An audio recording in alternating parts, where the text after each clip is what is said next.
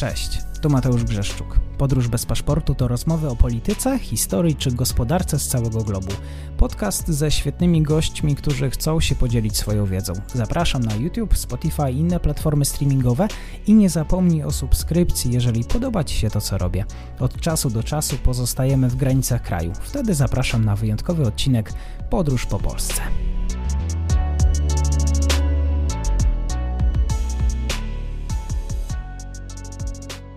Dzień dobry słuchaczom w czwartek. Dzisiaj na tapecie mamy Brazylię. Ostatnio rozmawialiśmy na temat niewolnictwa, dzisiaj bardziej w ujęciu politycznym, a moim gościem jest pani dr Janina Petelczyc, Szkoła Główna Handlowa w Warszawie oraz Fundacja Terra Brasilis. Dzień dobry pani doktor i dziękuję za przyjęcie zaproszenia. Ja dziękuję za zaproszenie. Dzień dobry. Był lewicowy prezydent Lula da Silva pokonałby w wyborach obecnego prezydenta Jaira Bolsonaro. Połowa Brazylijczyków ma uważać, że Bolsonaro to fatalny prezydent. Tak przynajmniej wynika z sondaży, które zapowiadają wyścig o władzę, który już chyba się rozpoczął, a same wybory za rok. Padło hasło, że połowa Brazylijczyków uważa, że nie jest to trafny wybór, a społeczeństwo nie może pozwolić sobie na to, żeby Bolsonaro kontynuował władzę w drugiej kadencji. Dlaczego przydomek fatalny pasuje do obecnie urzędującego. Proszę panią doktor komentarz. To jest bardzo kontrowersyjna prezydentura, jeśli chodzi o Jaira Bolsonaro, obecnego prezydenta e, Brazylii. Kontrowersyjna na świecie i w samej Brazylii. Jednak Brazylijczycy wybrali tego e, kandydata w 2018 roku, więc okazuje się, że jednak większość chciała Jaira Bolsonaro. On wygrał wybory z kilku powodów. Po pierwsze, zapowiadał walkę z korupcją, która jest, jak wiemy, jednym z największych problemów w Brazylii i dużo się w tej sprawie dzieje, zresztą całkiem pozytywnych rzeczy. Mimo wszystko nagle się okazuje, że reprezentanci elity, czy politycznej, czy biznesowej mogą trafić do więzienia, więc tutaj się to powoli zmienia już, ale nie dzięki Bolsonaro, tylko już wcześniej. E, druga rzecz to jest kwestia bezpieczeństwa. Brazylia jest krajem, w którym ludzie no, na co dzień e, oczywiście nie są mordowani na ulicach, ale przestępczość jest znacznie większa niż w naszym regionie świata, szczególnie w Polsce. Więc ta debata dotycząca na przykład możliwości posiadania broni była bardzo rozbudowana, czy też możliwości policji, to znaczy e, tego, co policja może robić, a czego nie może. Więc tutaj takie bardzo populistyczne treści, karanie szesnastolatków i nie oszukujmy się, nie nie karanie ich w celu resocjalizacji, tylko niestety mm, wsadzanie ich do więzień w Brazylii, które przypominają wszystkie inne więzienia Ameryki Południowej, czy posiadanie broni wydały się wielu Brazylijczykom bardzo e, takim dobrym pomysłem. Jak wiemy, może to brzmi dobrze, ale statystyki pokazują, że tego bezpieczeństwa nie zmieniają. No i Bolsonaro też, znaczy nie poprawiają, i Bolsonaro też no, jest takim politykiem, który pokazuje, pokazywał się w tamtej kampanii jako, jako ktoś z zewnątrz, co jest absolutną nieprawdą, bo w parlamencie, w kongresie brazylijskim zasiadał od wielu lat, chociaż był zupełnie prawie że nieaktywny, chyba że wypowiadając jakieś e, bardzo nieciekawe treści chwalące dyktaturę wojskową. No ale wygrał dzięki temu te wybory, a poza tym wygrał je dlatego, że jego główny kontrkandydat wówczas e, Luis Inácio Lula da Silva, potencjalny przebywał w więzieniu i nie mógł kandydować. No i, i do, doszło do, do, do, czasów e, prezydentury Bolsonaro, który mimo wszystko cieszył się dosyć dużym, 30% poparciem przez większość swojej kadencji. Dopiero teraz tak naprawdę to spada. Głównie z powodu COVID-u myślę i tego, jak bardzo prezydent odrzucał najpierw w ogóle ideę, że COVID istnieje, później zapowiadał, że to jest łatwo grypka, którą łatwo można leczyć e, hydrochlorochiną, co oczywiście jest nieprawdą. E, później straszył przed szczepionkami, e, mówiąc, e, wypowiadając absurdalne tezy, na przykład, że szczepienia zamienią nas w aligatory. Nie kupił też dosyć dużej dostawy szczepionki Pfizer ze Stanów Zjednoczonych, co do dzisiaj przynosi efekty, bo Brazylia jest, przypomnijmy, drugim najbardziej dotkniętym krajem świata przez COVID-19, jeśli chodzi o liczbę zakażonych i liczbę zmarłych po Stanach Zjednoczonych i co dziesiąty człowiek na świecie, który miał oficjalnie COVID-19 jest Brazylijczykiem.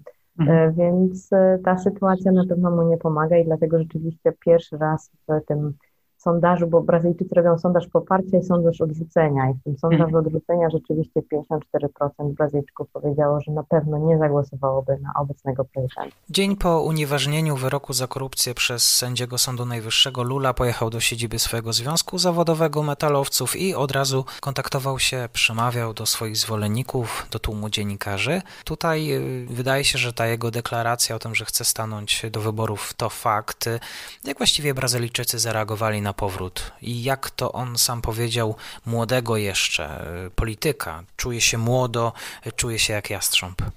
Może najpierw powiedzmy, że Lula jeszcze oficjalnie nie potwierdził, że będzie kandydatem, chociaż rzeczywiście powiedział, że będzie, zrobi to, jeśli będzie miał największe szanse wygrania z Bolsonaro, a wszystko na to wskazuje aktualnie. Zanim może powiemy o tym, dlaczego on jakie są reakcje na Lulę, może powiedzmy, kim on w ogóle jest, bo Luis Inácio Lula da Silva jest absolutnie nie, niezwykłą postacią w historii Brazylii najnowszej. To był człowiek, który porównywany jest do Lecha Wałęsy u nas w tym kontekście walki z dyktaturą, przy czym on walkę z dyktaturą wojskową, prawicową, wywodził się z biednej rodziny, był w związkach zawodowych, sam zakładał związek zawodowy, którego jako przywódca później już startował pięciokrotnie na urząd prezydenta i dopiero za czwartym razem mu się to udało. Zresztą był prezydentem niezwykle popularnym, kiedy odchodził. To z kolei można porównać do Aleksandra Kwaśniewskiego.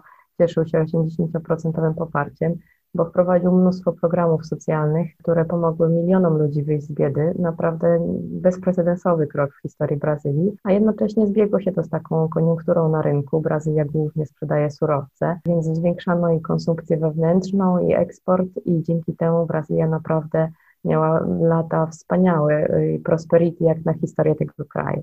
Tylko z drugiej strony y, wielka afera korupcyjna w Petrobrasie, która no, dotknęła właściwie wszystkich polityków ze wszystkich partii, ale wiadomo, że ci u władzy są najbardziej wystawieni, że tak powiem, na świeczniku.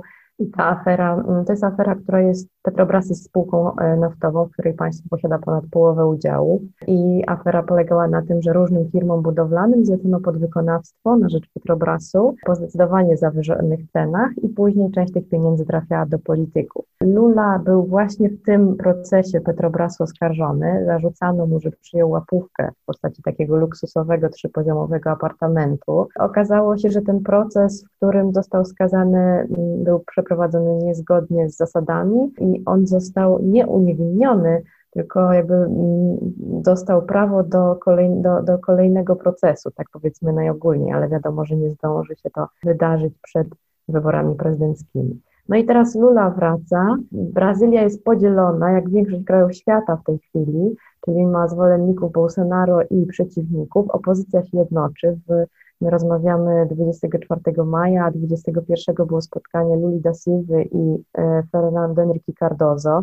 To był poprzednik Luli da Silva, z którym Lula przegrał dwa razy wybory. No partie jednak zazwyczaj walczące ze sobą, czyli taka liberalno-ekonomicznie i lewicowa, a jednak jednoczą się, żeby, żeby Bolsonaro e, pokonać w tych najbliższych wyborach, które będą w przyszłym roku. Zaskakujące być może dla niektórych jest to, że Lula cieszy się ogromnym znów poparciem, bo to już e, poparcie do partii pracujących, z których on, wywodzi, e, już bardzo spadało, no jednak jest to chyba naprawdę bardzo charyzmatyczna postać, bo wszystkie, e, wszystkie sondaże mówią, że tak naprawdę, jeżeli tak się wydarzy, to będzie mm, walka między w przyszłym roku w wyborach między Lulą i Jairem Bolsonaro. Wszyscy inni mhm. kandydaci nie mają więcej nawet niż 10%, więc widać, że Brazylijczycy, którzy nie popierają Bolsonaro, widzą w Luli naprawdę nadzieję kolejną. Ale z drugiej mhm. strony, tak jak Pan powiedział, może on mówi, że jest młody, ale ma 75 lat i już dwukrotnie był prezydentem tego kraju, więc to też pokazuje, że w Brazylii brakuje innych liderów niż mhm. Lula da Silva. A czy w Luli jest jakaś rządza odwetu, rządza zemsty e, w związku z tym, co się wydarzyło, tego jak sam komentował, padł ofiarą tego kłamstwa prawnego? E, I drugie pytanie, czy akurat e, jego wybór jeszcze bardziej nie spolaryzuje brazylijską scenę polityczną? No, prezydent Brazylii e, były Lula da Silva, e, być może kandydat, twierdzi, że nie ma w sobie rządy, rządzy zemsty. Tak mówił wielokrotnie, że, e, że on po prostu chce dbać o przyszłość Brazylii i nie ma zamiaru się na nikim mścić i właściwie jestem gotowa w to uwierzyć, ale czas tak naprawdę pokaże. Wydaje mi się, że nie, w tym sensie, że Brazylia już jest spolaryzowana i tego już nic nie zmieni. To jest polaryzacja od kilku, od kilku lat, od czasu chyba właściwie impeachmentu prezydent Dilmy Rousseff i tego, co działo się później. Brazylia nie odbiega tutaj od innych państw, bo właściwie w każdym państwie teraz w tej, w tej chwili mamy do czynienia z taką polaryzacją, z różnymi bardzo skrajnymi też ruchami. Wydaje mi się, że nawet e, to, o czym powiedziałam wcześniej, to spotkanie Luisa Silva i Fernando Henrique Cardozo pokazuje, że tak, dojdzie do pewnego rodzaju większej polaryzacji między Bolsonaro i, i zwolennikami i przeciwnikami, natomiast przeciwnicy się jednoczą, opozycja się jednoczy. Fernando Enrique Cardozo z partii PSDB, takiej liberalnej, zapowiada, że i Lula też, że w drugiej turze na pewno poprze przeciwnika e, Bolsonaro, kimkolwiek by był, e, i będzie zachęcał do tego swoich wyborców. Pierwszy raz chyba w historii e, reprezentant partii PSDB mówi, że jeżeli będzie trzeba, poprze reprezentanta lewicowej partii pracujących. To byli zawsze tacy no, rywale, mówiąc najogólniej. Więc w tym sensie Brazylia się połączy przeciwko Bolsonaro, natomiast jej zwolennicy Bolsonaro, którzy są coraz mniej liczni, na co też Pan zwrócił uwagę na początku, no na pewno będą niezadowoleni. No, każde wybory pewnie prowadzą do jakiejś polaryzacji, ale Brazylia już jest bardzo spolaryzowana, więc, mhm. więc myślę, że te wybory tego jakoś bardzo nie pogłębią. To tak na zakończenie, czy prezydent Bolsonaro nadal grozi władzom stanowym w kontekście polityki antykowidowej? No na razie są to tylko groźby słowne, to znaczy odnosi się Pan, jak sądzę, do tego wywiadu, w którym powiedział, że powołując się na artykuł 5 Konstytucji Republiki Brazylijskiej mówił o tym, że każdy ma prawo do wolności, między innymi prowadzenia własnej działalności gospodarczej. Jeśli gubernatorzy poszczególnych stanów e, będą wprowadzać lokalne lockdowny, to Jair Bolsonaro wyprowadzi wojsko na ulicę. Nic takiego się nie wydarzyło. Wojsko, żeby zaprzestać lockdown, na niego wprowadzać. E, na razie nic takiego się nie wydarzyło, zwłaszcza, że no, też Bolsonaro ma problemy z wojskiem, to znaczy bardzo wielu przedstawicieli wojska, dokładnie 30 marca, trzech stojących na czele piechoty, marynarki wojennej, lotnictwa, przywódców odeszło, ustąpiło ze swoich stanowisk, więc widać, że wojsko też już na razie nie do końca idzie ramię w ramię z Bolsonaro. Chyba naraził się rzeczywiście bardzo wielu już w tej chwili grupom, także tym, które wydawałoby się, że powinny go popierać. Także straszy, dużo mówi, natomiast sądy też e, ograniczają jego e, możliwości, bo kiedy Bolsonaro mówi teraz nie wolno wprowadzać lockdownu, ja mówię to jako prezydent, wydaje taki dekret, to sądy zawsze znoszą ważność tego dekretu i na szczęście gubernatorzy stanów mogą jednak realizować swoją politykę e, wbrew prezydentowi. Sam obecny prezydent miał mówić w kontekście wojska, że jest to jego wojsko i że będzie gotowy, jeśli będzie zmuszony do tego typu akcji. Wszystko oczywiście w kontekście poszanowania porządku i sprawiedliwości. E, pani doktor, dziękuję za ten wgląd w brazylijską e, scenę polityczną. Moim gościem była Janina Petelczyc, e, Szkoła Główna Handlowa i Fundacja Terra Brasilis. Dziękuję jeszcze raz. Dziękuję.